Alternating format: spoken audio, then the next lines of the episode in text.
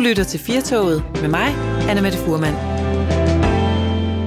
Vi lytter også til Firtoget med Sisse Gramte Fri, som er med i studiet i dag. Igen. Ja, det er jeg nemlig. Kan du høre noget? Jeg kan ikke rigtig høre noget i mine headphones. Nej, men så må du skrue op under bordet. Yes. det her er fredags. Nej, nu kan jeg høre det hele, Mette. Det, en, det bliver en fordel, eftersom vi skal stå herinde i to timer. Ej, det var dejligt. Det var godt. Ja. Nå, Sisse, vi skal jo omkring nogle øh, forskellige ting igen i dag. Ting, som vi har ja. undret os over. Det må man sige. Vi Mhm. laver nærmest ikke andet end at undre os, os to. Det er det. Øhm, vi har jo, øh, det er fredag den 13. Det er den ene ting. Ja. Så skal vi øh, rundt omkring øh, Taylor Swift, der i dag fylder 30. Så skal Ja. vi omkring noget ansigtsgenkendelse, noget fitness, og så er der også øh, sex på programmet i dag. Der er sex på menuen i dag. Ja, det er der.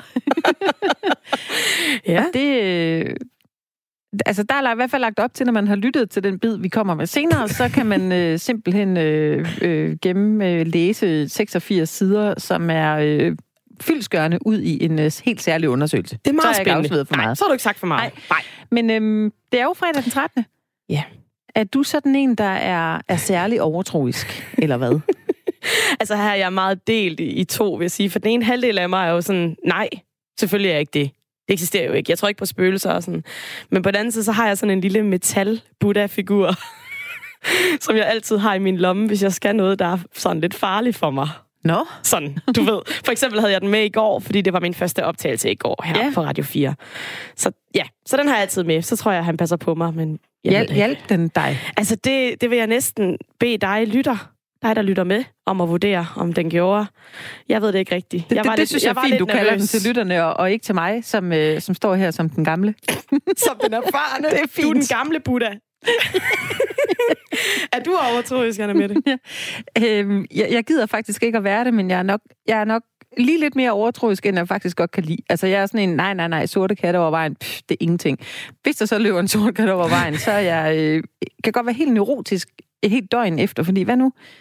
Altså, ja, Ja, ja. Det, så, alt, så går man og venter på det, eller man synes sådan en lille ting bliver en stor ting, fordi, og det er jo, jeg er helt ærlig, jeg synes, det er lidt åndssvagt, men altså, jeg er også en, der, jeg tror på, der er mere Ja. mellem himmel og jord. Ja, det kunne jeg godt forestille mig. Ja, altså, jeg ved ikke, Men altså, høn eller ægget, ikke også? Var det så, fordi man så den sorte kat, eller var det, fordi man alligevel var faldet på, ti- på det tidspunkt på vej ud af bussen?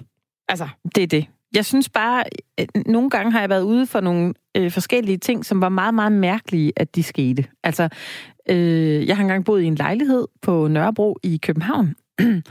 øh, og der, øh, jeg synes, der var meget koldt i særlige områder af lejligheden. Der var nogle underlige lyde, øh, nogle bump nogle gange om natten, som, ja, der var sådan lidt creepy, selvom det var en sindssygt hyggelig lejlighed. Så var der sådan lidt, jeg ved ikke, det er som om, man kunne aldrig rigtig gøre det hyggeligt. Og så finder jeg faktisk ud af, at øhm, øh, ham, øh, der havde boet der før, var død ude på badeværelset. Nej, så det er hans ånd, du sådan er gået ind igennem, Ja. det er blevet koldt. Og det synes jeg var ikke ret rart, fordi det jeg kom jeg altid ind i min gang og tænkte, hvorfor er det så koldt, når jeg altid står herude og tager min jakke af? Det var Og ikke bare, fordi sådan du ikke havde tændt for radiatoren. Nej, nej, nej, nej, nej, nej. Og, og så var der bare nogle lyde nogle gange, og tænkte, hvad, var det? Så jeg, altså, ikke fordi, han- altså, han gjorde jo ikke noget, men øh, jeg Jeg synes, det var bare sådan, var kold.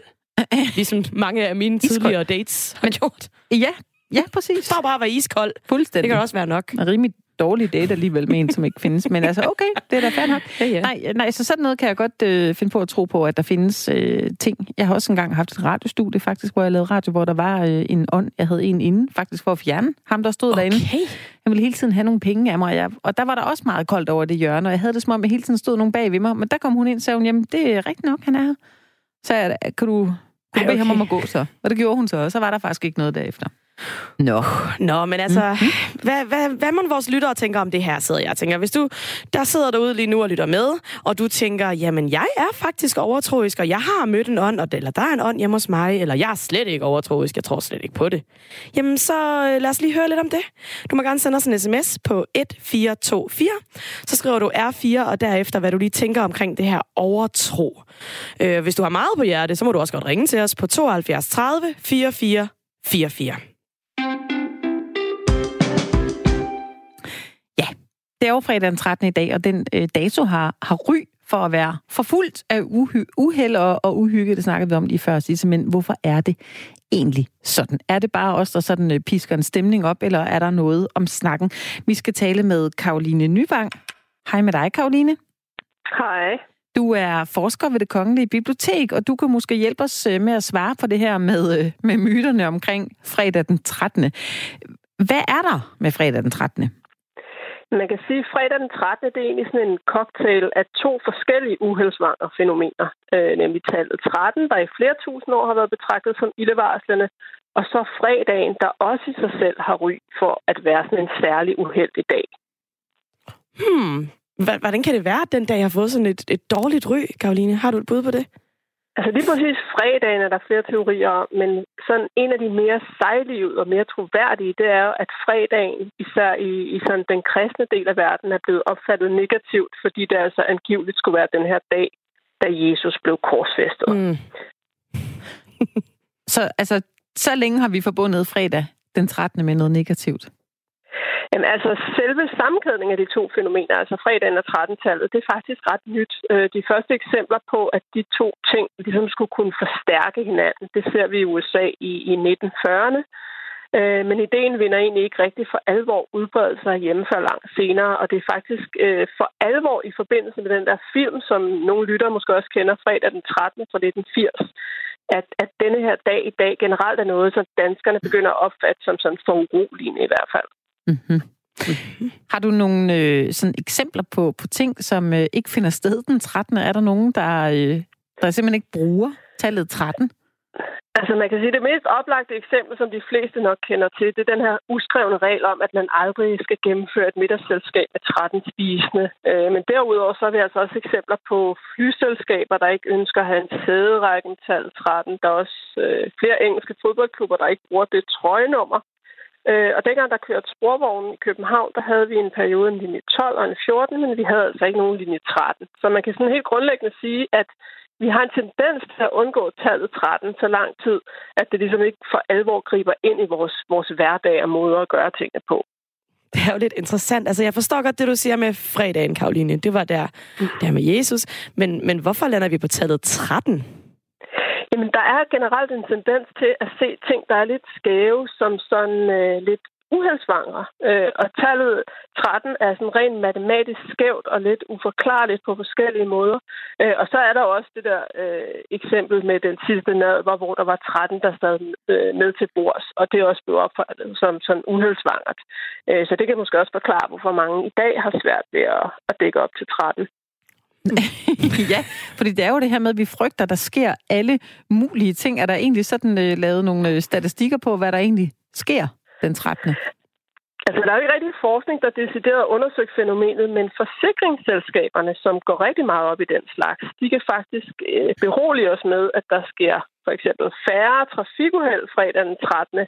Øh, måske fordi vi alle sammen sådan er lidt ekstra opmærksom lige præcis øh, en dag som i dag. Det er jo helt vildt. Jeg får at vide, at vi har en uh, lytter igennem, som gerne vil sige lidt om... Uh, nej, nej, ikke det endnu. har vi ikke nu. Det har vi ikke nu. Det har vi om lidt. ja, ja. Men jeg kan så sige, at jeg har også personligt fraholdt mig fra at gøre vigtige ting den 13. Og jeg kan huske, at jeg engang skulle til en eksamen på den 13. fredag den 13. Hvor jeg også gik fuldstændig kold. Altså, det gik da fint. Jeg tror, jeg fik et nital. Så det gik jo. Men det er jo lidt vildt, hvordan den her overtro ligesom stadig hænger fast i os den dag i dag. Karoline, har du det selv sådan med den 13. Nu har du jo mm. øh, læst meget om det, og nu taler vi med dig om det, og du har sikkert også blevet spurgt om det før. Er du sådan en, der... Øh, tænker du over de her sorte katte, der fiser hen over vejen? Jeg tror nok, at jeg er som danskerne er flest. Altså, jeg vil nok prøve at undgå for eksempel at, at blive gift fredag den 13. Øh, men i det store hele vil jeg ikke lægge mit liv radikalt om for at undgå 13-tallet eller fredag den 13. Nej, det synes jeg måske er meget godt, ikke? Fordi man kan godt blive sådan lige... Øh, man, det kan godt løbe, løbe afsted med en. Eller ja. hvad? Ikke med dig? Ja, det ved jeg ikke rigtigt. Øh, jeg synes, at lige så snart, at, at, øh, at jeg undgår også at gå under en stige, hvis øh, det ikke betyder, at jeg skal gå over på den anden side af vejen. Så de der øh, små justeringer i hverdagen, det tror jeg egentlig ikke rigtigt, at, øh, at jeg kan se noget galt i. Det tror jeg er meget almen menneskeligt. For så føler man måske også, at man kontrollerer sin skæbne bare en lille smule. Ja, vi har, øh, vi har fået en sms her øh, fra en lytter. Den kan jeg lige dele med dig, Karoline. Der står, at fredag den 13. kommer sig af, at det var fredag den det var, at det var fredag den 13. den franske konge anholdte alle de højtstående tempelridder. Er der noget med det? Ja, altså man kan sige generelt med den her form for folkelig overtro, så har vi tit mange forskellige forklaringer, der kan være med til at beskrive, hvorfor at noget skulle være øh, særligt indgroet hos os. Øh, og det her det er også et rigtig godt eksempel på, at der både er den sidste nadver og alle mulige eksempler på, at, at øh, 13-tallet og fredagen skulle være uheldsvanger. Så det kommer nok mange veje fra. Okay. Det er godt nok. Jeg, jeg skal lige høre, øh, nu er du forsker ved det Kongelige Bibliotek. Er der ligesom, øh, hvor meget er der skrevet om den her dag, som er sådan lidt omspunden? Der er faktisk skrevet øh, utrolig lidt om det, øh, og som jeg sagde før, der er heller ikke rigtig noget forskning, der for alvor har undersøgt øh, fænomenet. Øh, men det vi ved, det er, at danskerne generelt bliver øh, mere og mere overtroiske, og ikke mindre og mindre overtroiske, som, som folk egentlig kunne tro. Så i forlængelse af hele den her snak om uhygge og overtro, så kan jeg i hvert fald fortælle, øh, at forskning viser, at vi bliver mere overtroiske, end vi har været før. Okay, ved du hvad, tak for det, Karoline Nyvang. Og det var Karoline, som var forsker ved det kongelige bibliotek. Nå, der var der noget om det. Der, der, vi har fået yeah. en sms her fra John. Han øh, skriver til os i firtoget. Det er noget værre vrøvl. Udråbstegn. Og, og, og tak for den, John. Sådan ja. har jeg det nogle gange med det her. Jeg vil ønske, ja. at jeg kunne sige til mig selv, ved du hvad, det der med ham, øh, øh, du mærkede inde i din gamle lejlighed, der engang var død, det er noget værre vrøvl. Der er slet ikke koldt i den her lejlighed, og pyt med det. Det, det kan være lidt svært at, øh, du ved, man kan ikke rigtig ryste af Nej, det er jo nemlig det. Det er jo nok den der lille tvivl, der ligger om i baghovedet. Men hvad nu, hvis der er noget om det? Ja. Altså, ja, det er nu hvis, Anna Mette? Ja, det kunne da også godt være, at der sidder nogle af vores firetogslyttere, som har oplevet noget, ja. altså hvor det sådan decideret, øh, du ved, hvor man bliver omvendt, hvor man tænker, det der fredag den 13., det er noget værre fis, eller det der overtro, det er også noget værre fis, det er ikke mig, jeg er sådan uh, naturvidenskabelig. Mm. Så må du også godt skrive ind til os, fordi vi vil da gerne have nogle af de der historier, som er sådan lidt overnaturlige. Har du, har du oplevet noget, hvor du tænkte, det var lige godt mærkeligt, at det lige skete for mig lige her? Altså, Ja. Det vil jeg også rigtig gerne ja, høre om. Jeg ved ikke, har du nogle af de der? Nej, jeg synes faktisk ikke. Jeg synes altid, jeg kunne forklare det. Øh, men jeg har dog et minde, som går helt tilbage fra min barndom, hvor jeg husker, at jeg havde sådan... Kan I huske, der i 90'erne, man havde de der store stole, der man kaldte elskovsræder? Det var sådan en havde jeg. Ja. Sådan en havde jeg. Hold nu Med op. Med blomstret betræk yes, på. Yes. Nå, men der kan jeg huske, at når jeg skulle i seng, så når jeg kiggede ned under den, så synes jeg altid, der var sådan nogle lysende øjne neden under den, der ligesom holdte vagt eller ville mig noget ondt. Nå. Og det har jeg faktisk nogle gange tænkt over, efter jeg er blevet voksen. Hvad var det for noget? Ja. Fordi jeg husker, at jeg så det næsten hver nat. Men det kan selvfølgelig også bare være noget børnefantasi. Ja, om den kan sådan set fylde temmelig meget. Jeg skal i hvert fald passe på, at jeg ikke siger til mine børn, nej, nej, hold nu op. Det er der, der er ikke noget. Den der pude, der er derovre, er ikke et monster. Det er Præcis. bare en pude, fordi de føler det jo. Det er et monster. Man Præcis. skal også sige, jeg tror, det er et godt monster. Det er et sødt monster, og det kan holde dig i hånden i nat, og I kan synge nogle sange og have det rart. Det behøver ikke at være det, det her ikke virkelig, være virkelig. Monster. Nej, det er det. Øh, skriv ind til os, hvis du har en øh, oplevelse med det her overtro, eller hvis du kender en, som er meget overtroisk. SMS'en den er åben på 1424. Du skriver R4, og så din besked. Ellers så øh, kan du da øh, være så velkommen at ringe ind til os på 72 30 44 44. Vi vil jo gerne høre om det her fra folk, der, der har oplevet det. Det kan jo være, der også sidder nogen, som er hekse derude. Der er jo nogen, der praktiserer det at være heks ja. i dag. Øh, det kunne jeg da godt tænke mig at vide om, hvor mange er der egentlig af dem? Jeg har engang skrevet om det i øh, gymnasiet, en, øh, ved, sådan en andenårsopgave om ja. at være heks. Og hvad der... laver en heks egentlig til daglig? Altså, I, sådan en anno 2019 heks. Ja, jeg tænker, er det på hvad YouTube? får hun til morgen med? altså, er det bare noget hav? er det bare noget havregryn med rosiner på, eller, eller hvad foregår der? Ja. altså, hvordan ser dagligdagen ud? Møder hun ind på arbejde? Arbejder hun bare nede i borgerservice, ligesom alle andre? Hvad vil jeg sige? Altså, ja. Jeg ved det ikke. Fordi det gør alle andre. det gør alle andre. alle andre, alle andre jeg kender, de arbejder nede i borgerservice i hvert fald. Så det er sådan noget, jeg godt kan sidde ja, og bryde min hjerne lidt med. Ved du hvad? Øh, vi har faktisk en lytter igennem, Sisse. Ja. Og øh, det glæder mig meget til at lige høre, hvad, hvad der er af oplevelser der. Hej med dig, Lars. Hej. Hej. Hvor ringer du fra? Ja, jeg ringer fra Skive af. Ja.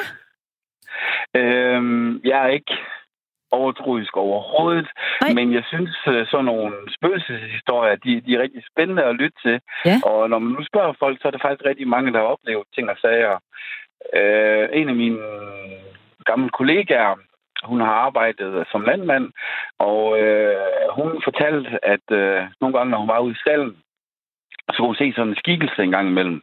Ja. Og øh, skikkelsen gik rundt, og øh, den, den stod stille ved, ved nogle kreaturer en gang imellem. Nu får jeg kuldegysninger. ja, og hun undrede så, hvor, hvorfor den gjorde det, og det var også som i, i dagtimerne og sådan noget. Og så fandt hun ud af, at øh, ved den kreatur, som, som skikkelsen stod ved, den havde altid en eller anden sygdom. Så det var faktisk en god spøgelse, så, så den hjalp hende faktisk. Nå, nej. Øhm, ja. Øhm, og øh, så gik der så nogle år, så blev hun fængt til det, som jeg også var. Og øh, på et tidspunkt, der havde vi en indsats, som, som døde på, på afdelingen. Så gik det nogle år. Så lige pludselig, så kunne den samme øh, person her, hun kunne så mærke, øh, hun blev, øh, der var en skikkelse, der fulgte efter hende, og hun lukkede ned der til, til aften. Mm. Øh, og hun kunne bare mærke, at, at skikkelsen var ikke særlig venlig stemt. No. Og øh, hun kunne ikke lige først finde ud af, hvad det var. Men så som tiden den gik, så de indsatte, de oplevede øh, en masse spooky ting, der i løbet af natten. Så en masse skræmmel rundt og ting og sager. Og jeg oplevede tit, at om morgenen, når jeg kom og låste op, så, så måtte jeg øh, låse, låse den pågældende celle op, fordi det var altid den samme celle. Så måtte jeg låse op bag. og så var det vist, at der er altså ikke nogen derinde. Øh, og det var de stensikre på, der var. Øh, Lars, og, og det for, ja. prøv lige, du sagde før, at jeg er ikke sådan, jeg tror ikke lige sådan på det. Altså, er du ikke overbevist om nu, når du øh, har øh, haft det så tæt på dig? Altså, tror du så ikke bare lidt på det? Nej, Nej. fordi jeg, jeg, jeg er den type, jeg skal, jeg skal opleve noget selv, så jeg tror på det. Ja. Øh, folk, de kan godt blive sådan, de, de kan godt fortolke mange ting, når det er sådan, de nu er, måske har en tendens til at, til at tro på nogle forskellige ting. Ja. Altså ligesom gamle dage, folk de troede på næste og sådan nogle ting. Ja. Øhm, nej, jeg, jeg tror ikke på sådan noget. Jeg, jeg skal selv opleve noget, før jeg tror på det. Ja. Sådan, sådan typer jeg nok. Ja, det, og ved du hvad, Lars? Jeg er glad for, at der findes typer som dig, fordi hvis det var mig og Sisse, som havde været dine kollegaer, ja. så havde vi sagt, prøv at høre, der er ikke bare skramlen. Altså, der sker et eller andet forfærdeligt i morgen, Lars, og så vil du ja. sige, ro på. Der sker, nu skal jeg nok åbne den der dør og kigge ind, og så, Præcis. der er jo ikke noget.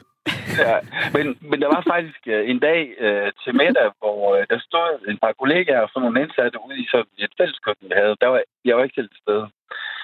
Og det skete så det lige pludselig så var der en mandhand, den tændte for fuld drøn, og så var der en elkedel, der tændte for fuld drøn, og der var altså ikke nogen personer i nærheden no. af, af vandhanen eller også elkedel. Og der, jeg blev lidt forskrækket, da jeg så, forskrækket øh, de andre de blev. Ja. Så jeg tænkte, hmm, det var sgu da mærkeligt, det var da pudsigt. Og det er faktisk med, at der var faktisk ikke nogen indsats, der boede på den afdeling til sidst, og det var sådan nogle hårdkogt kriminelle med tatovering op af halsen. Jeg synes, det var lidt, jeg, jeg synes, det var lidt sjovt, men... Øh, ja. Man kan lige forestille sig dem begynde sådan at løbe rundt og sådan... Nej, seriøst, der er nogen inde i celle 14. Jeg ved, der er nogen inde i celle 14. Jeg vil bare ikke være derinde. Seriøst, jeg vil ikke være ved siden, ja. ved siden af. Oh.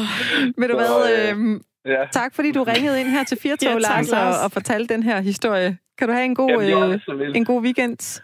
Tak lige måde. Hej, hej. Hej. Hej. Ha, jeg er glad for, at Lars han findes, og især, at han kan berolige de, øh, de indsatte. Vi har en øh, lytter mere med på telefonen. Det skulle meget gerne være Morten. Hej med dig, Morten. Hej. Hej så. Hvor ringer du fra? Øh, op midt i Jylland. Op midt i Jylland. Er der spøgelser deroppe ja. midt i Jylland? det er, det, der er nok spøgelser alle de steder, hvor folk de, øh, opfinder dem. Okay. Okay, ja, vel. Men øh, det, øh, så ja, men, altså, der er jo mange ting, der eksisterer i hovedet på folk. Men jeg havde øh, faktisk en oplevelse, som der, der gjorde det. Men jeg vil egentlig lige, øh, og det er en meget interessant historie, hvor jeg selv sådan lige blev øh, begyndte at tvivle på min rationelle hjerne. Mm. Men, men, øh, men øh, først og fremmest så vil jeg lige pointere det der med, at øh, det med, at det bringer, bringer uheld og gå under stiger, det er ikke overtro. No. Det er rationel øh, tanke. At folk de bruger stiger til at gå op af, øh, og øh, de bringer også tit og ofte ting med. Øh, og øh, folk er ikke særlig gode til at holde på deres ting.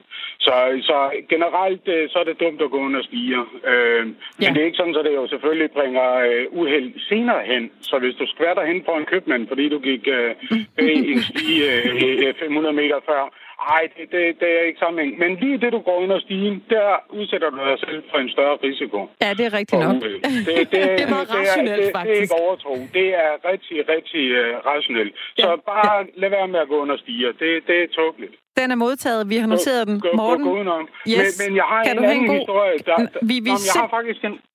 Nå, Okay. Kan du gøre det kort? Jeg Det var har, fordi... øh, ja, okay. Meget kort. Ja, meget jeg, kort. Jeg, øh, hu- øh, hundeskolen, vandskolen derhjemme. Ja. Der Ja. så jeg, der lå en lille orm nede i. Øh, en lille, la, øh, sådan en lav. Bare en enkelt en. Helt lav. Og en lille, øh, sådan en lille hvid lav, og jeg tænkte bare, der var lige, den har lige fået nyt vand her til morgen, og det var bare sådan, hvad? Nå, men så tager jeg øh, skålen og, og løfter op, og den står på sådan en plastikbakke. Ja. Øh, og så nede under, lige nede under øh, skålen, der, der ligger der 13 små hvide laver. Okay. Lige nede under. Det er, Og, og det er jo bare Det er sådan en så creepy. fastret. Hva, hva, ja, ja, men det, det bliver endnu, endnu mere øh, creepy her. Fordi, øh, og jeg, jeg tømmer jo skålen og får noget nyt vand i, og så tager jeg bakken, og så fjerner jeg den. Og så nede under bakken, lige nede under, hvor den stod, og det er sådan Nej, en plast, plastikbakke, lige nede under bakken, der er der bare 50 Nej. af de her orme, Nej. lige nede under. Nu stopper du, Morten. Det, Og så, nej, nej, nej, nej, nu, nu, nu, fordi den her, den bliver endnu mere skummel. Øh, øh, og, Og under gulvet var der... Nej, nej, fordi Okay, okay. at øh, så... Øh, jeg, jeg får jo vasket det her og, Ja. og, og tørret op, og det er bare sådan, det er sæt mærkeligt, det der. Ja. Og så øh, en, øh, en uges tid efter, der er der bare spyfluer over det hele. så i, nej, nej. Og, Det er jo en gyserfilm, det der, jeg- Morten. Det er inde i stuen, det er inde i køkkenet, ja. det er over det ja. hele, der bare ja. er spy, spyfluer. Ja. Og, og, og det er jo... Øh, og så øh, en uge efter det, og det, er, og det er jo bare skummelt med alt det her, så... Øh, så, øh, så, øh, øh, så øh, klapper der øh, en, en fælde, eller nej, det er faktisk to måneder efter. Okay. Så er der noget, der rumsterer op på loftet. Ja. Og så øh, finder vi ud af, at det er en, øh, en rotte, der er gået i fælden, og det er lige over, Okay. lige Ja, det over er den creepy. her øh, foderbak. Nej, nej. ja, men øh, øh, ja, ja, og der er en rotte, der er gået i fælden, og så kommer jeg derop, men der er ikke bare den rotte, der er gået i fælden. Lige ved siden af er der, en, er der et skelet af en rotte. Nu Som bliver der det bare værre. kun er skelettet, der kun Jeg kan er ikke- skelettet tilbage af. Vi kan ikke holde ud at høre. Nej, nej, det er simpelthen det der- det er for uhyggeligt. det der- Morten, vi er, nødt til, Jamen, vi er prøv- simpelthen nødt til her. snart at ringe det, af, det, fordi... Det, der, det, det, ja, lige kort. Fordi det, Ja. der er det fede af det hele, det er, det er, at alt det her er der en rationel forklaring på. Ja. Alt sammen. Ja, det, Du, og det øh, er fordi, det- det, at, at rotten, rotten der, der døde Ja. For to måneder siden, Ja. der, øh, øh, der kød, der spyfluer, Nå. de lever af, af, af, af, af, af, dødt kød. Yes, yes, så, yes. så øh, de, de, laver. Ja. Og da det så er koldt, og de har spist alt, alt kød, der er, så søger de til et varmt... Øh, til, nej, de søger Ja. mod varme, de søger ja. mod fugt, og de søger mod, øh, mod mørke. Ja. Så Og- de er kravlet hen øh, lige Morten, til et hul, Morten. og så er de dumpet ned på gulvet, og der er de kravlet ind under de forskellige ting. Ja. Og der er bare en enkelt, der lige er faldet ned i, i, Sådan. i bøtten, Og så ellers er de andre landet ved siden af.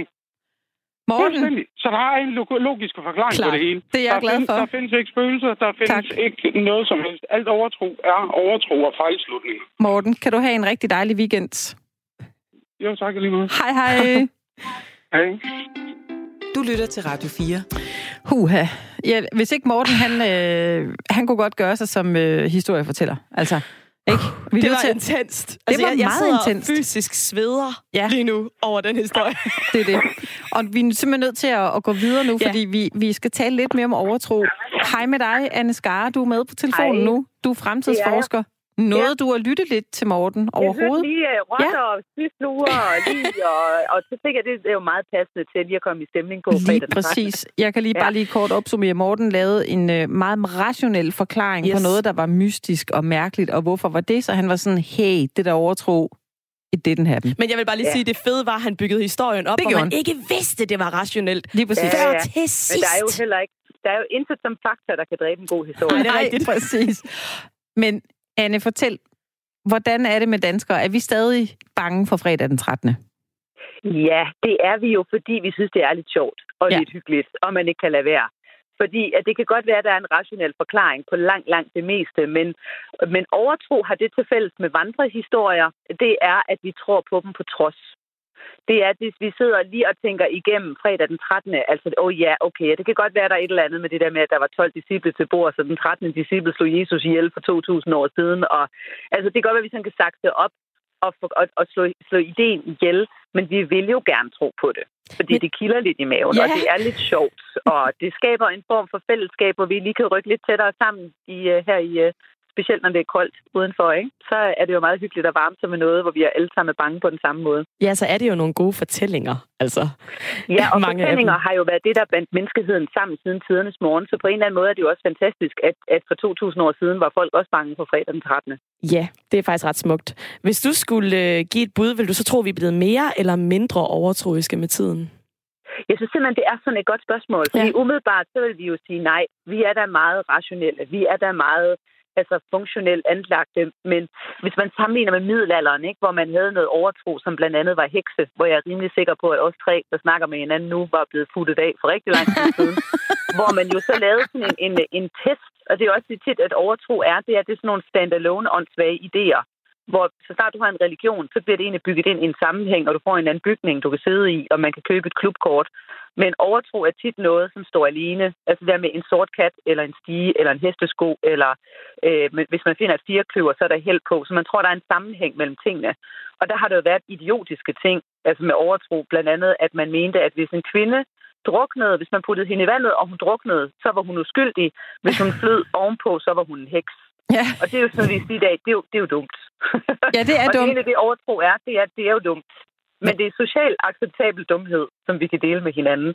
Og så tænkte jeg, er vi egentlig måske i virkeligheden meget mere overtroiske, end, end vi går rundt og tror. Det slog mig lige pludselig, at jeg vide, om fake news egentlig er overtro. Hmm. Det kunne det være, for jeg skulle Uh, faktisk lige til at ja. spørge dig. Ja. Anne, hvad øh, folk om øh, 100 år, så må de da også sidde og grine. Der i 2019, der troede de ikke, og- eller så, så troede de på noget, og det er jo da Ja. fuldstændig gak, fordi det Ja. ved vi jo øh, ikke. Det er jo da helt åndssvagt. Hvordan tror du, hvis man lige spoler tiden frem 100, 100 år? Jeg tror, at de ville synes, at, vi, at det var rigtig sjovt, det der med, at vi alle sammen skulle sove på samme tidspunkt. At vi troede, man skulle have 8 timer søvn, og så Nå, vi alle ja. sammen skulle sove på det samme tidspunkt. Og så tror jeg, at... Øh, ej, og så ses vi efter den samme kostpyramide. Kan I huske Ja. det? Jo. Det der med, at der var sådan en kostpyramide, og så, så var alle, alle skulle bare spise det samme mad. Ej, ja, Fordi hvad gør vi nu? Nu spiser vi... Øh, nu har vi vores helt egen skræddersyede tilpassede kost, der Yes. ligger godt i maven, og som man ikke får allergi af, og som man ikke bliver tyk af. Og hvad tror jeg. giver den her slags overtro os så? Altså, man, det kunne Jeg godt stikke tror, lidt afsted på den der gode måde. Ja, altså jeg tror, at den der, det der med, når det er det onde, når det er det der med djævle og sorte katte, og det er med øh, 13, altså ude i Københavns Lufthavn, er det jo også dybt interessant, ikke? at der er jo ikke nogen gate 13 i Københavns Lufthavn. Så Nej. selvom det bliver bygget af ingeniører, så kan det godt være, at ingeniørerne selv er rationelle, men de er jo nødt til at tage udgangspunkt i, at der kommer en masse mennesker, som, ej, de har sgu ikke lyst til at flyve med, med 13, og så er de nødt til at tage den væk. Ja. Øhm, og, og jeg tror, det der med, den, den der med, med det negative, det er, at det er rart at vide, hvor ondskaben er. Altså, det er rart at vide, at fredag den 13. er en lidt mere ond dag end alle de andre dage, fordi så behøver vi ikke gå rundt og være bange alle de andre dage. Nej, så kan vi mere slappe Og jeg- lidt af de andre ja, Jeg dage. har faktisk hørt også, at der er nogle psykologer, som behandler angst med, at, at ligesom imødekomme, at folk er bange. I stedet for at sige til dem, at der er ikke noget at være bange for, så kan de finde på at sige til folk, at det du er bange for, det er bag ved sofaen. Så hvis du bare altid lader være med at gå bag om en sofa, så, så, så kommer du ikke i nærheden af det, som du er bange for. Fordi de ved ikke rigtig, hvad det er, de er bange for. Men det er bag sofaen. og så kan de åbenbart fungere meget bedre, fordi nu har de fået det at vide, at det er bare om bag ved sofaen. Og måske Ja. det er det, der sker for os, det er, at alle de der underlige tanker, vi render rundt med, så kan vi parkere dem og sætte en knappenål i, fordi vi alle sammen er blevet enige om, at fredag den 13. den er en lille bitte smule mere uhyggelig end alle de andre dage. Men hvad kan man så sige, der kunne være det positive ved den her overtro? Der skulle være nogle gode ting ved det? Det er, at tro kommer altid før viden. at det at tro på noget kommer altid, før man kan lave en opdagelse. Der skal jo være en eller anden gakket idiot, der stiller sig op og siger, jeg tror på, at jorden den er rund, og man kan sejle rundt. Man kan komme andet sted hen, hvis man sejler den der vej. end mm. vi plejer. Og så står alle jo og siger, at det har jo ikke nogen kort, der viser. Det er jo aldrig nogensinde nogen, der har gjort før. Jamen, det tror jeg bare. Det tror jeg på. Fordi at vi, vi, skal, vi rækker ligesom ud i det ukendte med vores fornemmelse først, og med vores nysgerrighed. Og det er først, når vi egentlig laver nogle fejlslutninger, at videnskaben bagefter kan komme og sige, det er faktisk ikke sådan her tingene hænger sammen. Et ret godt eksempel på det, det er, at i øh, middelalderen under den sorte død, der øh, klædte lægerne sig ud som fugle. Så hvis man sådan kan genkende sig, at man har set fastelavn i, øh, fra Venedig, eller man har set nogle billeder fra Venedig, hvor folk er klædt ud, hvis man sådan kan genkalde sig billedet af, at der står sådan nogle mænd, der er klædt ud i en lang sort frakke med fuglenæbsmaske på. Det kommer fra den sorte død i middelalderen. Og det var fordi, man havde observeret, at fuglene ikke døde. Og så Hmm. tænkte man, hmm, skal jeg vide, hvis vi nu klæder os ud som fugle, så kunne det godt være, at vi ikke døde. Og det virkede. Men Og det, det- havde ikke noget at gøre med, at man var klædt ud som fugl. Det havde noget at gøre med, at man bare fik noget op foran munden. Men det fandt man først ud af. Altså antal 100 år senere fandt man ud af, at der var sådan noget luftbårent falløjsa, som, som Fantastisk. ville gøre, hvis du, hvis du fik et klæde op foran munden, så blev du ikke smittet i samme grad. Så, så egentlig bør vi være rigtig glade for den der overtro. Vi bør være glade for, at vi har en hjerne, der kan hoppe ud af de firkantede rammer, og bare stå derude og lege og sige, kan vide, hvad det her det er. Ja. Og nu kan vi tjene, eller de kan tjene en masse penge i Venedig på de der masker, de sælger Ja, til turisterne nu, der ligner Ja, fugle. Øh, Anna Skar, jeg skal lige høre, er, er, du, er du selv øh, sådan øh, medium overtro, eller max overtro? Hvordan har du det selv med det? Der er nogen, jeg er vokset fra. Altså, Ja, jeg, jeg, må, jeg må ærligt indrømme, at det der med at spise op, så bliver det godt hver i morgen. Det har jeg fundet ud af, at det gør det faktisk ikke. Jeg, altså, jeg har meget tit spist op, og det bliver ikke godt hver dagen efter. Jeg blev faktisk lidt mere tyk. Ja. jeg spise op. Så det, det er jeg egentlig holdt op med. Men jeg, jeg, er nok, jeg er nok overtroisk for en sikkerheds skyld. Altså, jeg er biolog og naturvidenskabelig uddannet, så den del af mig er jo sådan lidt, ej, men hvis jeg ser en sort kat, der render over vejen, så kan jeg da ikke lade være med lige for en sikkerheds skyld lige at spytte over skulderen. Nej, det kan jeg godt forstå. Ja.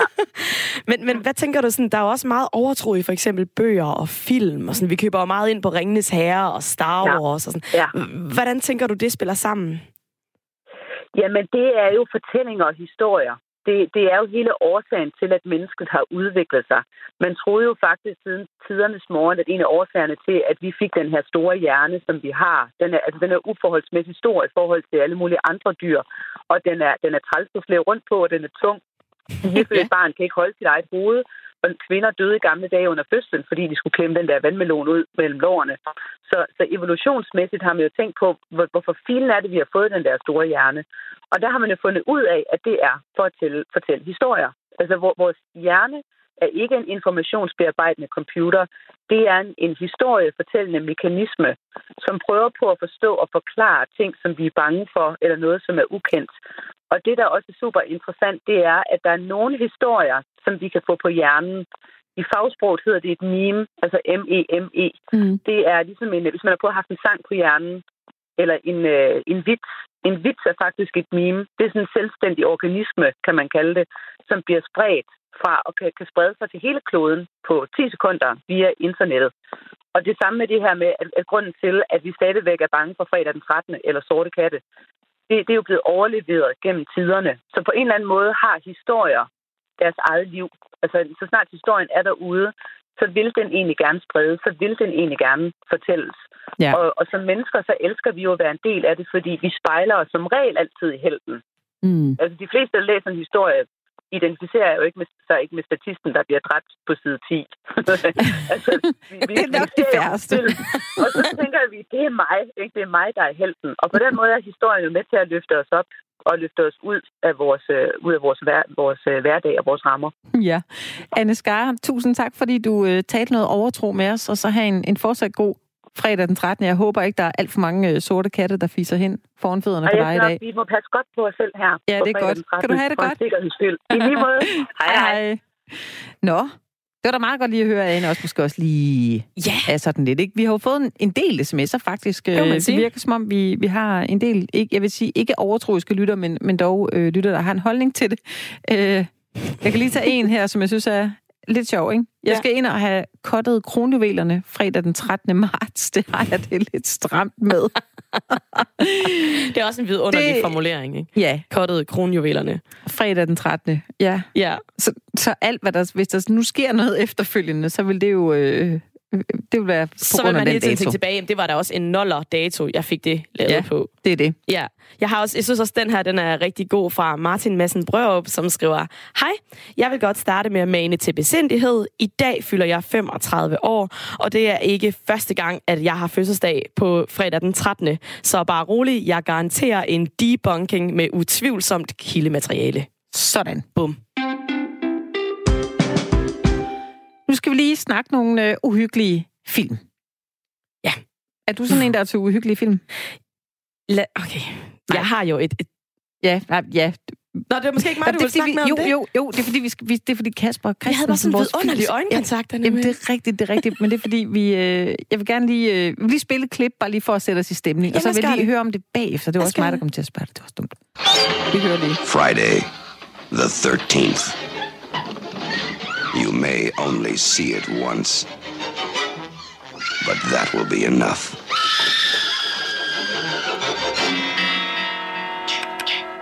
Friday, the 13th.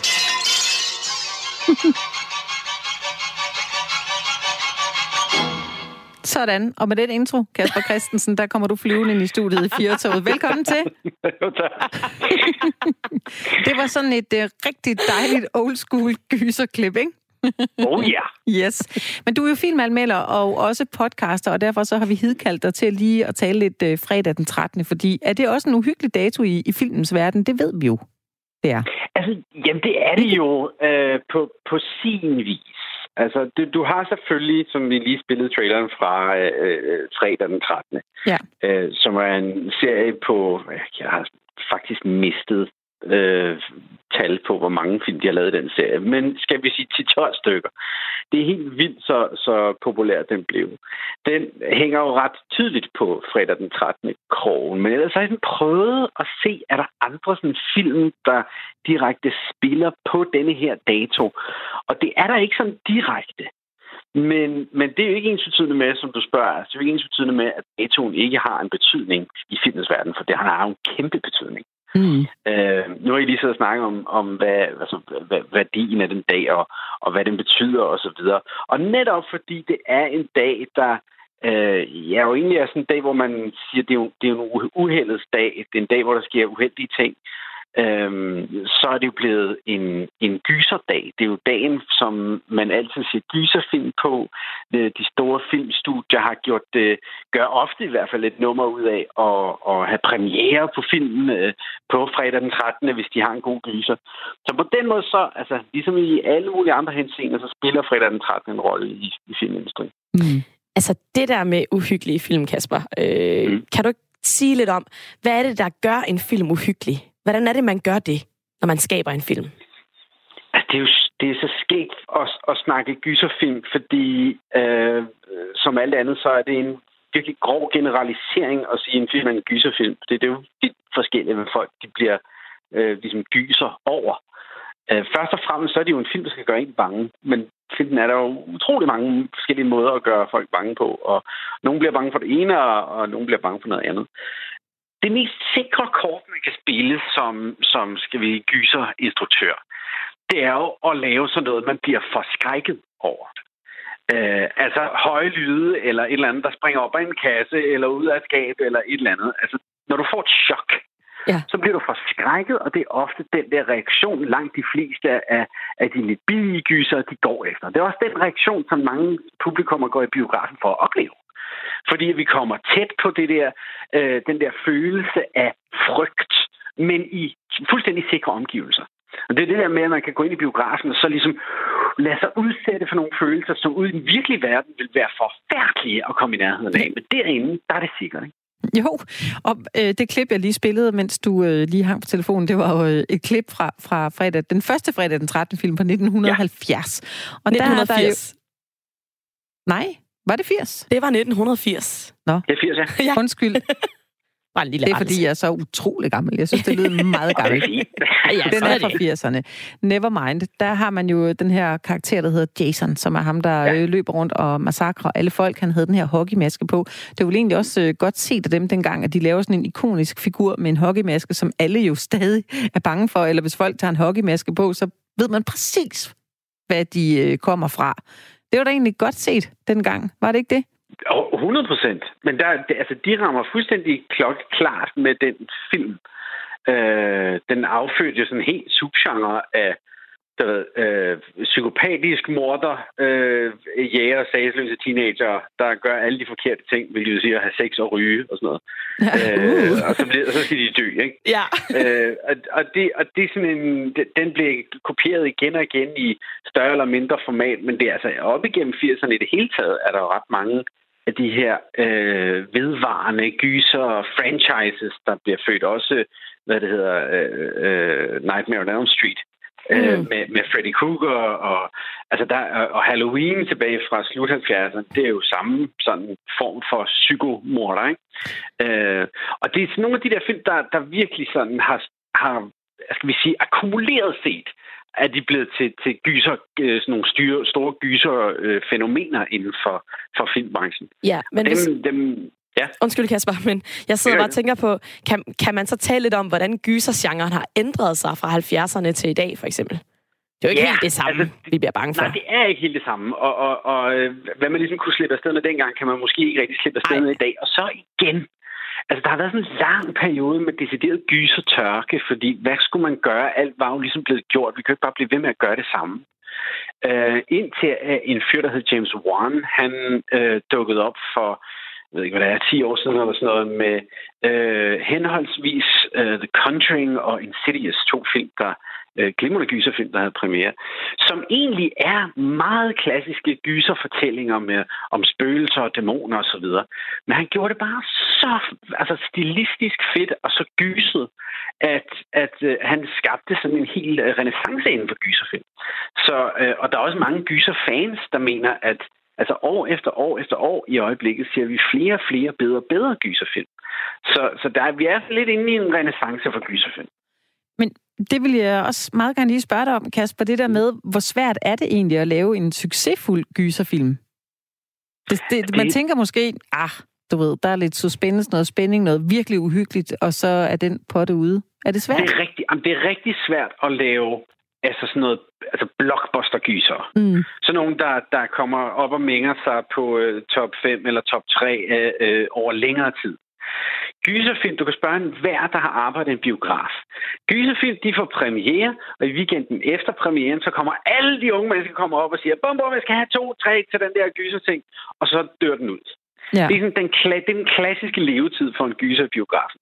Men så er der jo dem, og det er jo dem, der har været en del af her i de senere år, der ligesom når lidt længere, som kan lidt mere, som prøver lidt mere, end, end bare det der weekendgys. Ikke? Øhm, og dem har der været nogle stykker af, men det kræver jo, altså, som, som med alle mulige andre film, det kræver bare, at du laver en god film. ja. øh, og, og, og du har noget på hjerte, og uh, at, at du kan måske, altså at du kan lidt mere, end bare at få folk til at blive bange. Ja. Kan du bare lige nævne øh, nogle af dem, du tænker på, som så har, har været de her, hvor de holder lidt længere end bare en weekend? Jamen, uh, skal vi sige... Um, uh, Get Out, eksempelvis. Mm. Det var sidste år, tror jeg, den kom frem. Eller, nej, det var sidste år. Ja. Hvad var det, den kunne så? Jamen, det, det er jo en, en glimrende gyserfilm. Der er masser af gysede scener i den, men samtidig så er det også en fantastisk kommentar på, øh, skal vi sige, øh, den amerikanske hyggeracisme, og hvordan det er at, at blive udsat for øh, racisme, selv af de mest liberale medlemmer af, af det amerikanske samfund. De har stadig en tendens til at behandle øh, sorte eller afroamerikanere mm. med bare sådan en lille hyggeracisme. Ikke? Øh, og, og det er jo det, som filmen egentlig er en kommentar på. Men oven det, så er den skide underholdende gyserfilm. Men hvad er det så, der går galt, når man kan sige, at en gyserfilm, du ved, bliver sådan tokrummende pinligt dårlig? Ja. Ja. ja men det, det er jo som, når alt andet går galt på, på film. Altså, det, det er jo, hvis du ikke er overbevisende. Hvis, ja. du, hvis, det, hvis det falder igennem, øh, og det kan være på alle mulige planer, altså øh, skuespil eller historie, eller hvis man mærker, at du, du simpelthen ikke har øh, grebet om, om din, din, dit filmsprog, eller din fortælling, eller et eller andet. Du, hvis, hvis det ikke holder vand, og du ikke tror på det, så bliver det, så bliver det som om det bliver ekstra øh, tokrummende, fordi så, er det, så lader de bare som om. Altså, så tror I, man kan se de mennesker oppe på ladet, tror, at jeg bliver bange, men det gør jeg jo ikke, vel? Så hold nu op. Nej, de har lige været ude og spise en sandwich, og så går det ind og filmer det og siger, øh, ej, jeg blev bange. Men Kasper, kan du ikke lige, øh, kan du ikke anbefale sådan de tre bedste gyserfilm, hvis man nu havde tid til at, at dykke ned i det i dag, fredag den 13., og måske skulle have sådan en, en filmaften med sine venner i aften? Hvad, hvad kunne man så se? Altså, jeg har lige været inde og tjekke, fordi jeg tænkte, det kunne være meget fedt at komme med anbefalinger af nyere gyserfilm. Ja. Og øh, i år, der, der, har været, der er tre forskellige, som er ude. Der er mest på vej, som også er rigtig gode. Øh, men, men som jeg ved er ude, som man kan lege, det er øh, blandt andet øh, Midsommer, som den hedder. Ja. Ari Aster, der lavede Hereditary for, øh, for et års tid siden, eller to.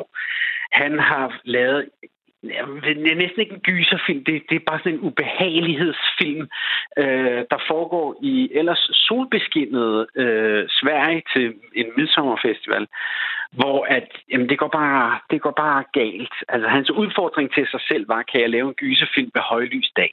Kan jeg, kan, jeg, kan, jeg gøre det, kan jeg gøre folk bange ved højlys dag? Og det lykkedes. Så filmen er, filmen er gudsmuk, men den er sindssygt ubehagelig. Så, så altså, midsommer, den vil jeg anbefale. Så øh, vil jeg sige os, Mm. Uh, Jordan Peele, der var, nu så nævnte jeg Get Out før, hans efterfølger til, til Get Out, det er en film, der hedder Os, som igen, øh, du kan tolke på den til uh, dommedag og, og tilbage igen, fordi der er så meget i den, men først og fremmest så er der bare nogle virkelig effektive gyserscener i. Uh, handler om en familie, der pludselig uh, begynder at blive terroriseret af en anden familie, der ligner dem på en prik. Øh, det, det er meget creepy. Mm. Øhm, og, og virkelig effektivt.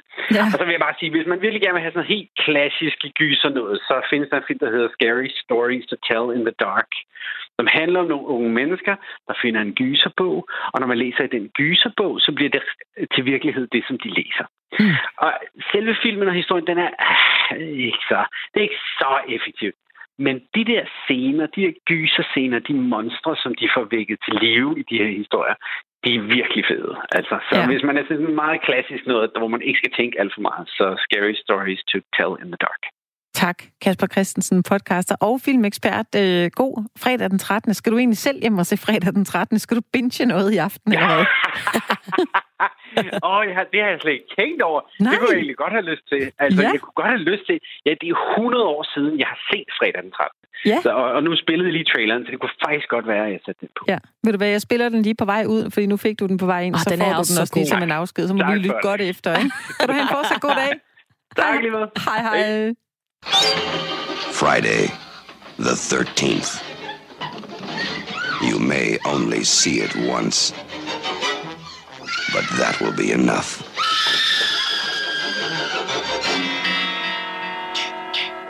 Friday, the 13th. altså, den speaker der, er det med det? Så der, jeg kan godt lide det der altså, hissige hiv i den der yeah. violin, og så tænker de, hvad er mere uhyggeligt? Jeg knaller et spejl, godt, det er også uhyggeligt. Det er jo så fedt. Og vi griner af det nu, fordi det er blevet til klichéer, men det var det jo ikke. Altså Nej. i 1980, der var det jo første gang måske, man gjorde det. Er du så der synes man da, uh, var det lidt spejl, der gik i stykker? Det var så uhyggeligt. Friday the 13th. Yes. Jeg kan uh. godt huske den i 80'erne, der var jeg barn. Det var, det var virkelig uhyggeligt. Shit. Altså, og nu, nu er det nærmest komisk. Mm. Men altså, vores øh, lyttere er jo rigtig gode i dag, vil jeg sige, til at sende sms'er ind, og tusind tak for det. Det er simpelthen så dejligt. Og vi har en her fra Alex, som, øh, som siger, at øh, nul gange har noget, vi mennesker ikke har kunne forstå, øh, kunne forklares ved at være overnaturligt. Altså han mener altså, at der findes ikke noget overnaturligt her i verden. Han siger, at en sort kat bringer for øvrigt held i England, og ved at gå under en stige bryder man treenigheden. Derfor hmm. skulle det bringe uheld. Alex. Aha. Ja. Så han tager det lige helt ned på jorden. Vil du være næste gang, der løber en, overtro. en sort kat over, så leger jeg, jeg er fra England. Præcis. Fordi så vælter det ned oh, med penge. how nice. A black kitty. Lovely cat. Lovely cat. Yes. Okay, I'm gonna go sailing now or do something extreme. Ja. yeah. Fordi det er der, det var lige det, jeg kunne komme i tanke om, som jeg synes, der, som jeg synes, der var en eller anden risiko forbundet med. Det er fint. Du kan fortsat øh, skrive ind til os, hvis du lige øh, vil have dit øh, bud med. Der er 6 minutter endnu, hvor øh, sms'en er åben lige til den her bid i hvert fald 1424. Du skriver R4, og så din besked, eller så kan du ringe ind til os på 72 30 44 44. Nu skal vi til noget andet, som noget helt øh, andet. Ikke har vanvittigt meget med gys at gøre, og dog. Og dog, og, og dog. Man kan sige, at det føles næsten lidt som om temperaturen stiger ind i studiet nu, fordi vi skal tale om sex. Mm-hmm. Jeg tror, rigtig mange af os oplevede, at vores Facebook blev fuldstændig spammet til. Det her for noget tid siden, så kom der den her nye undersøgelse ud over danskernes sexvaner. Mm-hmm. Og der var et par, øh, par ting, vi opdagede i det. Det var sådan noget med, at 67 procent af danske mænd onanerer mindst en gang om ugen, mens kun 30 procent af kvinderne gør det. Det er også noget med, at mange flere mænd betaler for sex end kvinder gør. Der var så nogle små ting, vi fandt ud af. Så tænkte man, det var måske spændende nok. Men nu er der faktisk kommet noget, som jeg synes er endnu mere spændende. Mm. Og det er den kæmpe, gigantiske amerikanske pornosite, som hedder Pornhub. Har altså i dag, hvor, hvor langt var det, vi talte siderne? 81 sider Cirka lang. Yeah. 81 sider lang. Yeah. Artikel har de lagt ud, hvor de simpelthen bare afslører, jamen, hvordan vi bruger den her amerikanske website. Og øh, det synes jeg bare var lidt sjovt. Det, det. Der, der var nogle ting, som kom lidt bag på mig i hvert fald. Jamen, det, det var der også med mig. Jeg vil lige så, så lige sige, at altså, den øh, undersøgelse, vi lavede, det var jo en, der skulle give os indblik i danskernes sexvaner, hvor det her, det er jo et, det er jo et porno-site. Pornhub. Det er jo, det er jo ren porno. Det er ren men, porno. Men, men det der er, de gør det i øvrigt hvert år. Øh, Pornhub, der er jo øh, mange, mange, mange millioner, milliarder mennesker, som øh, tjekker ind på deres side hver dag. Og så laver de selvfølgelig sådan en status, og det er jo, øh, vi er over i den her haha afdeling, ja, ikke? det synes Men jeg det også. er der faktisk, øh, det er der lidt sigende det i hvert fald. lidt interessant. Vi har, øh, vi har et par forskellige ting, vi hver især har, har faldet over. Sisse, vil du, vil, Ja. vil du starte? Det kan du tro. Altså, for det første, så blev jeg overrasket over, hvor mange besøg den her hjemmeside har. Mm. Det er fuldstændig vanvittigt. Der er 115 millioner besøg hver dag, Ja. og det løber så op i 42 billioner besøg om året. Det er helt vildt. Jamen, det er jo helt vanvittigt. Ja. Altså, og faktisk så ligger der så meget videomateriale inde på Pornhub, at de har, de har skrevet, at hvis man nu startede i år 1850 og tændte den første video der, mm. så vil du... så, det er et fint billede, ikke? Så sidder du der med din høje hat og din stok, og der tænder du så den første video på dit imaginære internet. Præcis. Så vil du stadig sidde i dag, fredag den 13. i 2019, og se porno. Hold Du nu vil op. ikke være færdig. Så meget materiale ligger mm. der Mm. derinde. Det er jo helt vildt. Det er fuldstændig vanvittigt. Øh, Jeg faldt over noget, øh, hvor de skrev, at øh, de kvindelige besøgende, de bliver der 23 sekunder længere end, end mændene, faktisk. Aha. Og øh, folk mellem øh, 18 og 24, de, øh, ja, man har jo sådan et, øh, de bliver færdige. Man har det her engelske udtryk. They get the job done. Øh, sådan cirka 64 sekunder hurtigere end dem, der for eksempel er over 55. Altså, det er jo egentlig ikke øh, så overraskende. Nej. Det, det synes jeg egentlig ikke er Nej. så overraskende, mm. vil jeg sige. Men noget, der overraskede mig lidt, det var, at nu ved jeg ikke, om du, kære lytter, er bekendt med det her udtryk, men øh, der har jo været meget tale om øh, ASMR, eller ASMR, som man også bare kan kalde det, som er det her nye øh, fænomen, der er dukket op, mm-hmm. hvor folk lægger YouTube-videoer op, hvor de egentlig bare øh, optager lyd. Det behøver ikke være seksuelt. Det kan være en øh, gammel japansk kvinde, der river en grushave. Det har jeg for eksempel set. Ja. Det kan også være en pige, der bare sådan ærer sig selv på kinden, og så er det den lyd, man hører. Men ASMR har altså fundet sin vej ind i pornoindustrien. Og det kom lidt bag på mig. Øhm, Ja, det er lidt... ja, det er sådan lidt, nå okay, det havde jeg bare ikke lige, det ved jeg ikke sat Nej, sammen. det er du ikke lige koblet til Nej. det. Øh, vi har jo nogle øh, svenske naboer, som øh, også øh, kommer på listen øh, over dem, som øh, ved, over lande, der ligesom bruger øh, Pornhub allermest. Hvad hedder det? Det, de øh, mest søger på, så svenskerne, de er rigtig glade for dem selv, fordi de søger altså på Swedish ind i det her søgefelt. Det vil de helst kigge på. Bagefter så er der øh, et, øh, det, der hedder MILF, altså Mother I Like to Fuck. Ja, øh, og så er der så noget, øh, noget lesbisk porno. Det er det, som øh, svenskerne tænder mest på. Jamen, altså, Wouldn't du det? fagrer nye verden. Ja, faktisk. Altså, vi kan godt lige nå øh, et par stykker mere, Okay. inden vi runder af. Okay, fordi en ting, som jeg har lyst til lige at sige et par ord om. Cosplay, som jo er en sammentrækning af det her costume play, det vil sige, at man klæder sig ud som en tegneseriefigur eller en manga-figur. Det er også blevet meget, meget populært, og det hitter altså virkelig ind på Pornhub. Så folk, de prøver også nogle gange at bevæge sig væk fra virkeligheden, tror jeg, og gerne vil se nogle figurer fra øh, Simpsons have sex. Det synes jeg Det bare er... Kan altså, jeg... I, altså, altså jeg tror bare, jeg vil grine for meget til at kunne tage det seriøst. Ja. Men det er måske bare mig. Øh, jeg kan sige til dig, at øh, folk fra øh, staten Mississippi, de er så dem, som holder 11 minutter og 26 sekunder på, på Pornhub. Ja. Good Altså, to du, know. giver, du giver rigtig god info. Ja. Kan, kan jeg nå at sige én ting mere, Anne? Ja, det, du kan lige nå det. Okay, Du kan lige nå jeg vil bare lige sige på top 10 over ting, folk søger på. Nummer et, det er amatørporno. Det kommer ikke som en overraskelse. Nummer to er aliens. Ej, hold op. What? Hold nu op. What? Ja. Nummer tre er POV. Det er der, hvor man, hvor man tror, man selv er der, eller det ligner, man selv er der. Ja. Ja. Hvis man øh, skulle have lyst til det, så skal man jo selv ind på, øh, på siden for at kigge efter, eller også så kan man jo søge efter artiklen, så kommer den her op igen. Og, ja. Firtoget er tilbage efter nyhederne.